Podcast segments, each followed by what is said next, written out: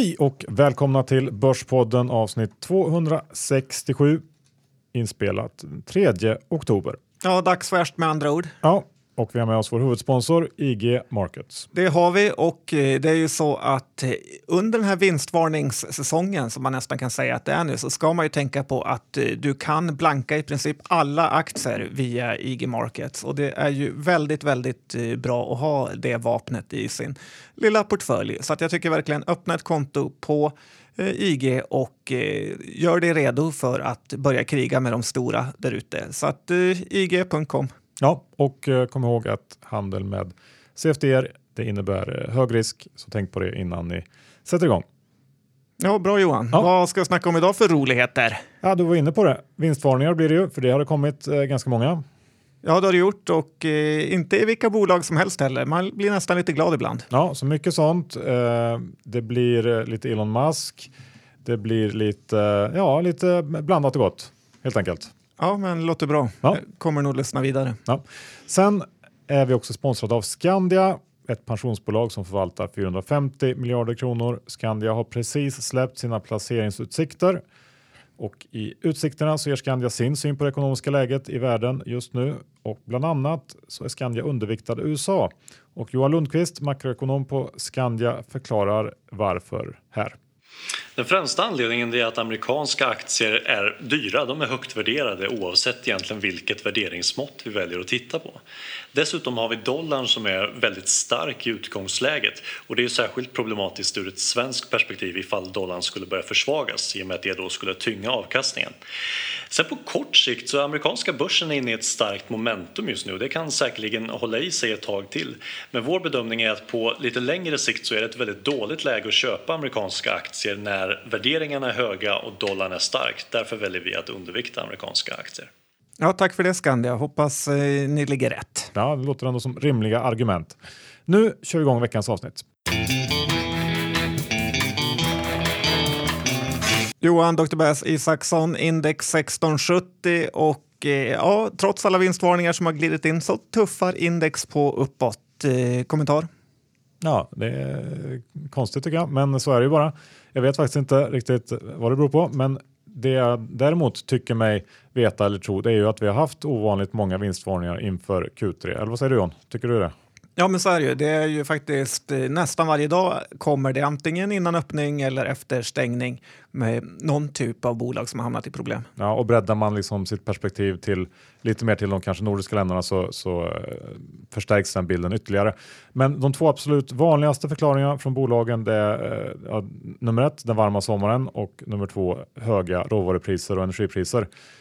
Essity som var ett av de här bolagen som var ute och varna för sin Q3 nyss. De pratar bland annat om höga eh, energipriser i sitt konfkål. Eh, energi står för 5% av kostnaderna för Essity och priserna har under sommaren stigit med 40 och det är ju eh, ganska sjuka siffror ändå och eh, här spelar nog ändå den här otroligt ogenomtänkta utfasningen av kärnkraft i flera europeiska länder en ganska stor roll tror jag. Eh, en liten, liten kärnkraftsinlägg där bara. Men Eh, sen så tänkte jag också vi ska fortsätta vårt auto eller bilbranschsnack som vi har haft här sista tiden i podden. Det fortsätter komma in försäljningssiffror för personbilar som ser dåliga ut. Ford, Toyota och Honda har alla kommit in.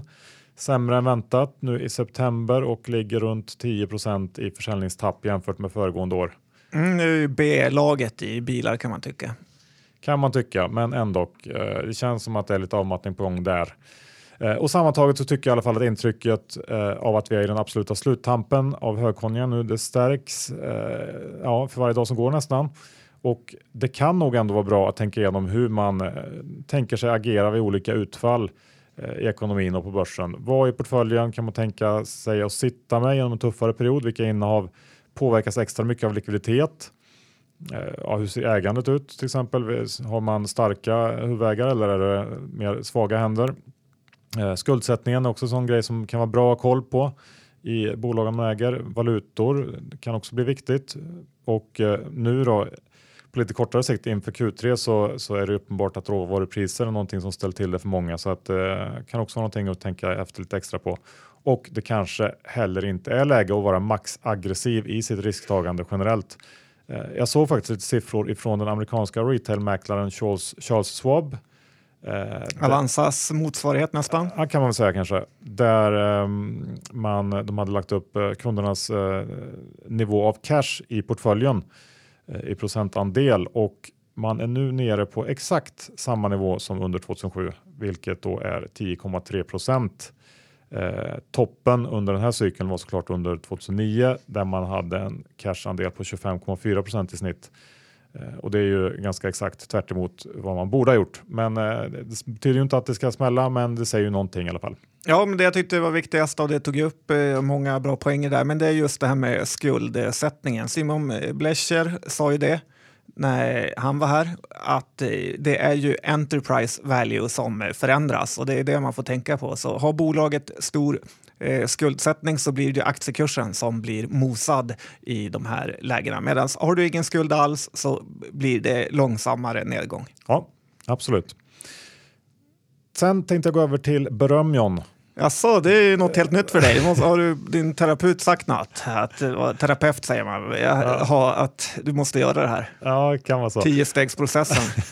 Nej, men jag kommer ihåg när vi var med, jag vet inte om det var första eller andra gången vi var med i FN, men du fick i alla fall väldigt mycket skit för någonting du sa och det var inte du, ovanligt i och för sig. Nej, men att du kallade Nordnet för börsens sämsta bolag. Sen blev de uppköpta, eh, men Eh, jag måste nog ändå säga så här med facit i hand att du nog inte var så fel ute. För idag var det en stor artikel i DI om eh, hur eh, Nordnet havererar mer eller mindre. VD-arna byts ut på löpande band och vinsten har rasat sista åren. Jag såg att det var halverad vinst nu under H1 i år bara. Så att ja, snyggt. Ja, men tack. Ja, Nordnet är ju lite av en katastrof får man säga. Vi brukar ju klaga lite på Avanzas hemsida eh, då och då, men det är ju för att man helt har gett upp Nordnets hemsida. Den är ju så kass att man blir mörkrädd. Eh, den, deras nya uppvärdering, eh, uppgradering av hemsidan är man ju också, vill man inte ens använda. Så att, nej, det är väldigt mycket uppförsbacke för Nordnet och Dinkelspilarna här. Ja, och när vi ändå är inne på Eh, börshandel och börshandelsbolag. Det här med kolen som eh, försenas ibland. Vad tycker du om det? Ja, men det är väl en ganska kass idé faktiskt. Att, eh, för alla som vet så öppnar ju börsen 09.00. Men sker det stora förändringar i aktiepriset från gårdagens stängningspris så försenas då kolen till 09.03 i enskilda bolag. Eh, det här är ju mumma för datorerna. Dels eh, när det händer bra grejer så försöker de hela tiden ligga eh, och hålla aktiekursen precis under försenad öppning med att hela tiden ändra köp eller säljantal. Det bara fladdrar i orderböckerna då. Men när inte det händer så känns det som att de nästan alltid försöker hetsa upp kursen till maximum, antingen upp eller ner, beroende vad som är sämst för vanliga människor. Så att de garanterat ska hamna i fel position direkt. Eh, jag förstår faktiskt inte ens vad den här tre minuters fördröjningen ska ge och eh, tycker att det är ännu mer förvirrande att eh, det gäller olika procentsatser för olika bolag. Så att, nej, bort med den här funktionen. Ja, bort bort. Elon Musk då? Har du någonting att säga om? Ja, men det är klart. Han fick ju tugga lite klubba här efter sitt eh, Twitterinlägg där han funderade på att köpa ut Tesla. 20 miljoner dollar blev det va, i böter? Ja. Eller var det 20 plus 20? Det var svårt att hänga inte, med. Oavsett var det alldeles för lite. Alltså, ja, och han skulle sluta också inom tre år, sa den amerikanska finansmyndigheten SEC. Det var som, som ordförande? Ja, alltså, ja, exakt. Och eh, SEC är ju då någon typ av kombination av Finansinspektionen och EBM i ett. Eh, det som slår en är ju hur extremt effektiva och eh, snabba amerikanska FI är. Eh, hade det här hänt i Sverige så hade det tagit tre år att utreda det hela. Eh, jag kommer att tänka på när Johan Karlström höll på att twittra som mest om Fingerprint. Det var ju ändå en härlig tid. Eh, men han skrev ju en del rätt eh, sjuka grejer faktiskt. Eh, FI sa då att det kändes lite olämpligt och skulle eh, titta upp, kolla upp det här. Eh, men de hann tyvärr inte längre än så för att eh, de hade kanske ett gäng enpetar-case att eh, sköta. Sen eh, tycker jag att det är kul att vi har sådana eh, smarta lyssnare, second level thinking-lyssnare skulle jag säga. För att vi fick ett mail när vi pratade om, eller när du pratade om ICA och deras eh, system för nykundsrabatter på eh, onlinehandeln och då mejlade en, en lyssnare in och skrev att Eh, man kan då göra det du sa att man kunde göra, gå igenom alla butiker. Och, men då sa han att sen så har man av sig till ICA och eh, ber dem eh, radera all data om dig med hänvisning till GDPR och så kan man börja om igen. Eh, tycker jag var en eh, fiffig lösning. Ja, om man har den energin för Ja, att lite eh, jobbigt, men- näthandla på Ica. Ta det, till, det är verkligen ny nivå. Kanske eh, third level thinking. Vi är också sponsrade av Neckwear.se.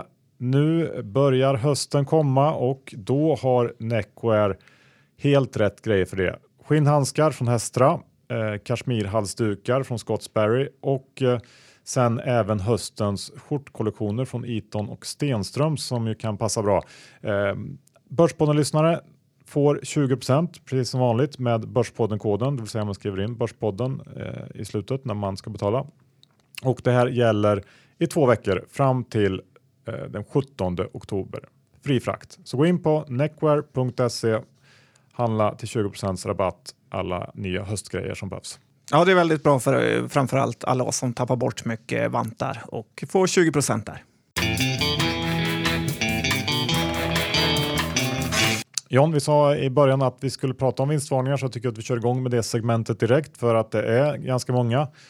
Ehm, um, SVT pratar jag om, de gick ut i fredags med ett nytt besparingsprogram uh, och det är ganska fantastiskt hur många spar och effektivitetsförbättrande program de lyckas hitta. Men det här kommer hur som helst som svar på de, ja, de senaste tidens stigande kostnader och SVT har påverkats väldigt negativt av stigande kostnader för massa, energi och oljebaserade råvaror på slutet och målet med det här programmet är att spara 800 miljoner kronor på årsbasis.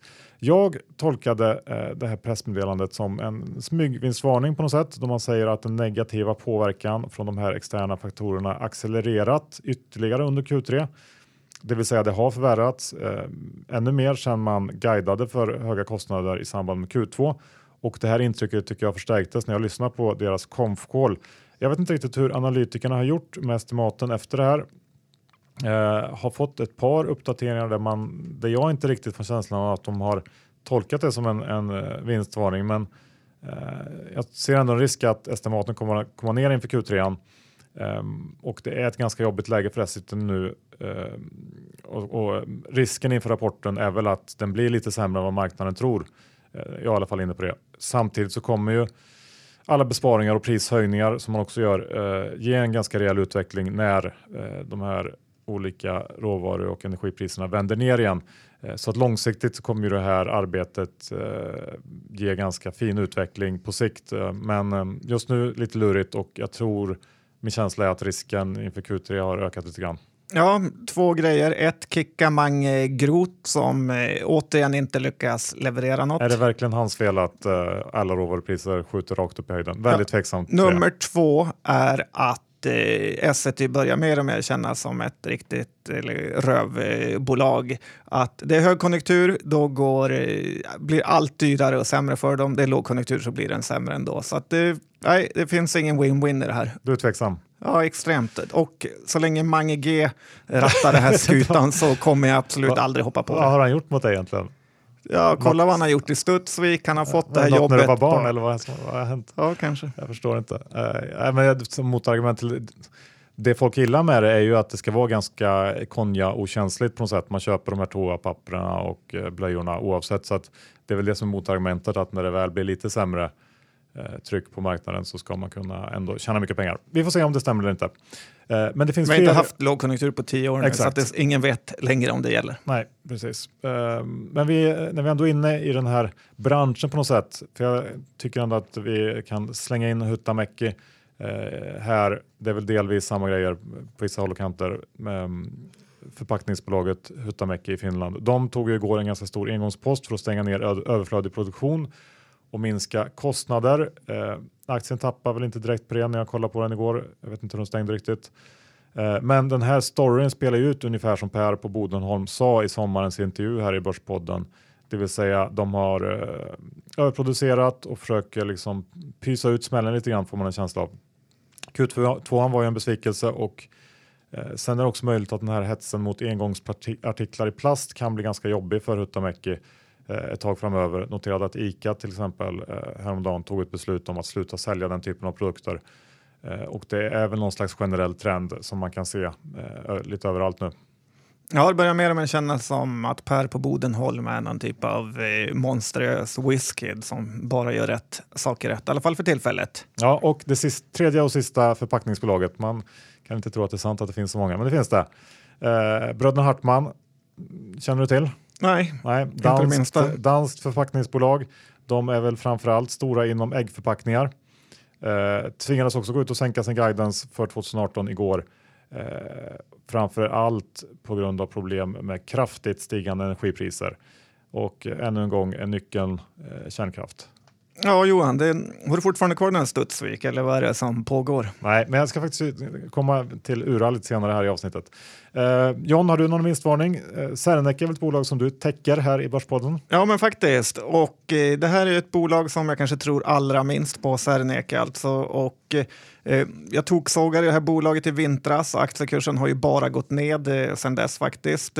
Vinstvarningen kom igår kväll och de försöker trycka på sitt 2020-mål med hur stor omsättning de ska ha. Men eh, grejen med Serneke är att de knappt tjänar några riktiga pengar. Deras kassaflöde är ju riktigt kast och eh, nu kan de inte hålla koll på sina byggen heller. Eh, byggdelen i Serneke hade första halvåret genererat 77 miljoner eh, och nu får de ju skriva av i princip allt det här.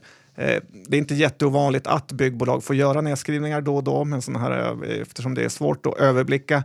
Eh, Men man har ju väldigt mycket mindre förtroende för Serneke än något av de andra bolagen. Det är faktiskt svårt att se vad andra riktigt ser i det här bolaget. De har ändå 3900 ägare på Avanza. Eh, Både Clients och Carnegie är högt upp i ägarlistorna här, så att eh, hade jag en hedgefond skulle det också vara högt upp, men på blankningssidan Johan. Jag får väl ringa Viktor och, och Simon på Carnegie och fråga. Om jag får låna lite. Ja. Och sen täcker du ju även Mekonomen. Du är lead-analytiker här. Eh, vad har du att säga om det? Ganska dåligt betalt eh, för att vara lead analyst. Eh, Men eh, ny, ännu en nyemission här, eller inte ännu en, men för sitt stora förvärv som Mekonomen gör ska de ta in väldigt mycket pengar. Eh, de skickade ju upp en, ut en uppdatering i fredags hur det går för bolaget inför den här nyemissionen. Jag tror det lurade en hel del traders, däribland mig. Eh, försäljningen säger de är lite bättre än tidigare, men att eh, ebit, alltså vinsten, i princip är oförändrad och att eh, den har tyngts av eh, det varma vädret. Johan, är du förvånad? Skräll. Mm. Ja, och eh, de har satt verkstäderna har varit stängda längre än de brukar på grund av värmen, vilket eh, låter ju helt orimligt att man skulle bestämma om verkstaden ska vara öppen eller stängd på grund av vädret. Eh, sen blir resultatet också sämre på att de har ett ökat antal egna verkstäder. Eh, det är också konstigt. Det är lite som att de verkstäderna Mekonomen äger själva sköts sämre än där de bara hyr ut sitt eh, varumärke. Och, eh, ja, det som kommer bli helt avgörande är ju för eh, Mekonomen hur det här förvärvet eh, slår ut faktiskt. Eh, ja, man är ju inte su- sugen på att syna någon slags dansk megahärva där alla redan verkar vara, eller jag tycker mig se att många analytiker är ganska positiva och eh, lite små, eh, ja, sugna på den här danska biten. Men jag är ju precis tvärtom. Ja, men de älskar att titta på siffror och vi vet ju att Mekonomen har ju liksom jobbat i flera år med att lägga ner sin danska verksamhet och sen smäller de till och köper den. Det är ju så konstigt eh, så att det är bara Mekonomen som gör sådana här affärer. Ja, Kanske Coop också kan vara en bra slutkläm på den. Eh, vi går över till H&M, förra veckans blankar-mördare. Eh, H&M gick upp nästan 20% på sin Q3 trots ett sämre resultat och högre varulager än väntat. Men å andra sidan då så växte online betydligt snabbare än vad marknaden trott och efter Q4 så börjar man kanske se möjligheten till att de här prisnedsättningarna ska börja avta, eh, marginalen därmed komma upp lite och eh, estimatrevideringarna som varit negativa ganska länge kanske kan vända nu och eh, fortsätta driva upp den här aktien möjligtvis. Jag vet inte. Eh, jag har fortfarande inställningen att, att problemet är att man aldrig kom ner till den här riktiga krisvärderingen som, som bolaget borde haft kanske. Dels på grund av att man startas så högt och, och ja, fallet blev högt därifrån men multiplarna kom aldrig riktigt ner. Sen så var ju pappa Persson också inne och eh, stödköpte här på slutet som säkerligen bromsar fallet ganska rejält. Eh, men ja, det, är svårt att ha någon jättestark åsikt tycker jag om H&M just nu. Jag eh, säger varken bu eller bä, även om jag tycker att det har gått upp lite väl mycket på kort sikt. Ja, det är inte lätt att eh, handla den här hm aktien Jag tycker lite synd om Didne Gerge här som verkar ha sålt ut precis allt på botten. Det kan, om H&M ska fortsätta upp här så kan det bli ett riktigt sänke att hamna efter index eh, då. Eh, tufft att driva fonder med. Det är det. Skistar då, rapporterar här på morgonen Jajamän, och de är ju verkligen inne i ett streak. Allt går rätt för dem och eh, det är ju verkligen frågan om man ska köpa dem nu. Det för precis eh, allt går ju rätt. Det är högkonjak, alla har råd att lägga massa pengar på en eh, skidsemester. Alla bokningar eh, sker via nätet, alltså skistar.com, vilket har gjort att de kan liksom kicka ut alla mellanhänder. Eh, fjällstugemarknaden är het och det gör ju att de som stora markägare där uppe i bushen Eh, kan stycka av och sälja tomter och tjäna massor med pengar där. Eh, och eh, sen är det ju inga som helst problem att höja liftkortet med 10% per år. Inte heller den svaga kronan får man glömma som gör att danskar, holländare, finnar, ryssar tycker att det faktiskt är billigt att komma hit. Förra året, de har ju lite brutet räkenskapsår, tjänar de 12,50 och det är ju ett p-tal på ungefär 20 just nu. Eh, trots att det har varit en riktigt fet uppgång här senaste månaden bara. Eh, och eh, i morse när jag såg det här så tänkte jag att aktien kan ju lätt gå upp över 250 kronor på några dagar, men det tog ju bara en timme så hade den gjort det. Eh, och eh, sen har ju Skistar en klassiskt bra period framför sig nu, så eh, aktien. Eh, så att eh, Ja, men man hamnar återigen i det här problemet att det köpa toppvinster på toppmultiplar och det kommer nog hålla ett tag till skulle jag säga. Eh, det ser, finns inte jättemycket som kan hota det här framgångståget just nu. Nej, jag håller nog med där. Faktiskt. Eh, jag tänkte säga några ord om förra veckans absolut eh, jag är ingen talare, jobbiga, men... jobbigaste försök till aktivism eh, och det kan ju ha varit eh, Eh, när Origo Capital skrev ett öppet brev till Cherrys styrelse eh, i vilket man argumenterade för att Yggdrasil, eh, som ju är eh, Cherrys eh, NetEnt eh, konkurrent, att Yggdrasil var rejält undervärderat i nuvarande struktur och att styrelsen borde knoppa av det här bolaget. Origo gjorde då också bedömningen att ett särnoterat Yggdrasil skulle kunna värderas till någonstans runt 3,5 till 4 miljarder kronor som då noterat bolag.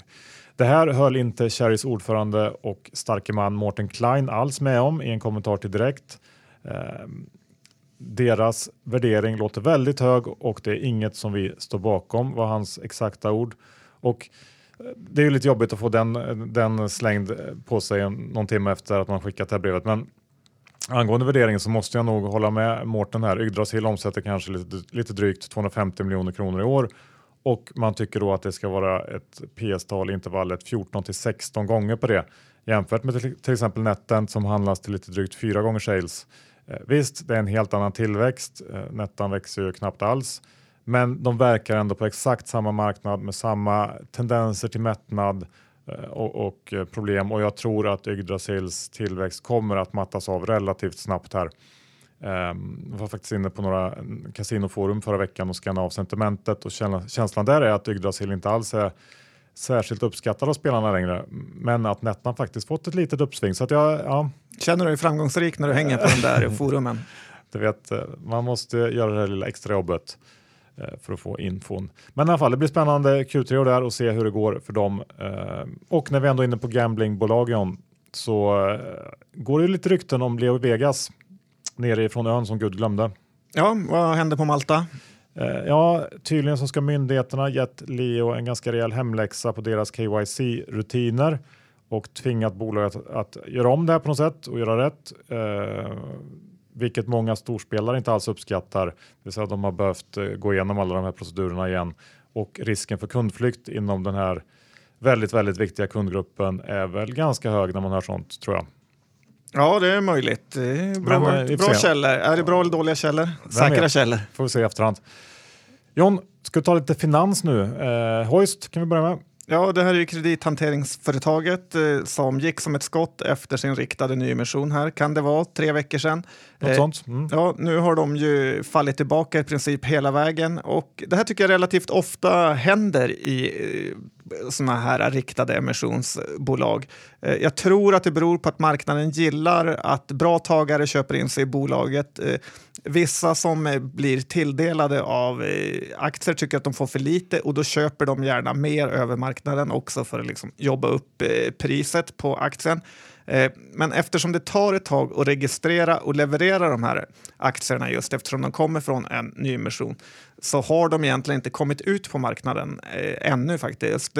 Så att efter någon vecka när det hela är löst och de är registrerade och man blir tilldelad dem så börjar en del lösa händer eh, tycka att de sitter på en fin vinst och trycka ut de här i marknaden. Eftersom de då kanske bryr sig mest om snittpriset eh, så kan man fortsätta sälja ner det här en eh, bra bit. Aktien har ju gått nu från 79 ner till eh, 71 här. Eh, nyemissionen gjordes på 70 så att det är fortfarande en liten vinst för några. Eh, jag tror däremot ändå att det kan vara ett hyggligt läge att eh, eh om man hoppade av i rätt tid att eh, kliva på igen här och fiska in lite aktier. För eh, det har väl egentligen inte hänt något i bolaget utom att aktiekursen har rört sig. Och eh, ja, då är det tradingläge. Jag har inte vågat köpa än, men eh, fundera på det faktiskt. Mm, skulle kunna vara intressant. Sen händer det grejer i den italienska banksektorn. Det är väldigt oroligt där nu och eh, du har tittat lite på ett bolag där, Banca Ifis, eh, även, eh, även ett känt innehav för Dino och Gerges Small Microcap-fond till exempel. Men vad, vad, har du att säga om det? Nej, men eh, helt eh, rätt där. Det är ju en liksom, kris i Italien som är svår att greppa tycker jag. Att eh, man läser om hur Milanobörsen eh, kollapsar ena dagen och eh, liksom sänker för hela Europa för att de bråkar om någon procent i underskottet av budgeten. Eh, man får liksom läsa små artiklar som det trycker ut. De verkar inte ha någon jättebevakning här. Och man får väl, känner väl ändå att man får ge de svenska politikerna lite cred för att eh, trots den här politiska härvan vi har så är det ju väldigt skönt med ett sånt här stabilt finansiellt läge och låg statsskuld som vi har här. Så att eh, vi har inga sådana eh, problem. Men vad gäller med det här Banca Ifis så är det ju helt omöjligt att analysera en italiensk eh, bank eh, själv. Eh, så att då får man göra researchen genom någon annan och kanske ta rygg på vad andra smarta gör. Och just de här Dine Gerge-grabbarna som man ändå får rejta väldigt högt har ju Banca Ifis som ett av sina största innehav. Jag kollade upp det här bolaget på Bloomberg och de har en utdelning på över 5% ett P-tal på 7-8. Aktien har i år gått eh, från 49 euro ner till 18-19 euro som den är på nu.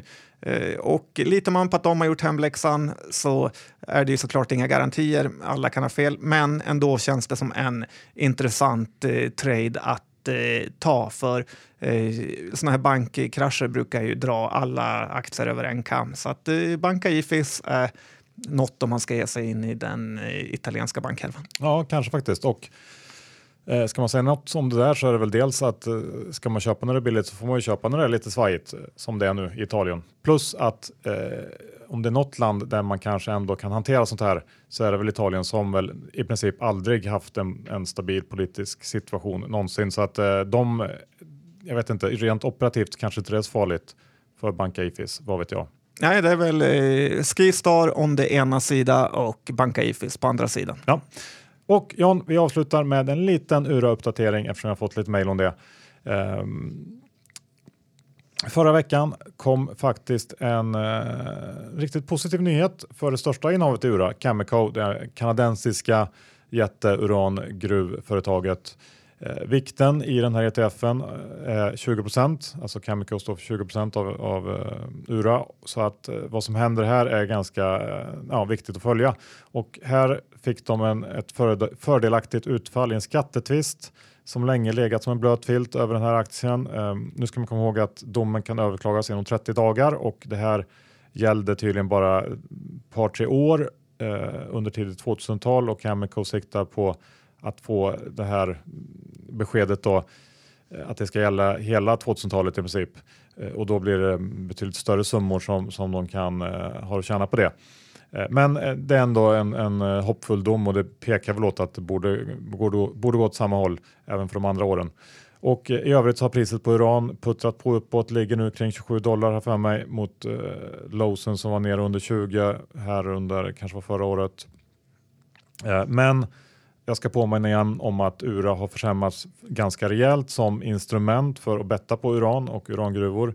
eftersom att bolaget bakom ETFen valt att byta indexet som man konstruerar ETFen efter, eh, vilket har fått som följd att det inte alls är lika ren exponering mot uran längre utan nu också en mängd stora verkstadsbolag med någon typ av kärnkraftsinslag. Men ja, jag, jag, tycker att det var ett väldigt konstigt beslut, men, men jag antar att det var för likviditet. Det var många små, jättesmå uranbolag som kanske var svåra att hantera för den här ETFen.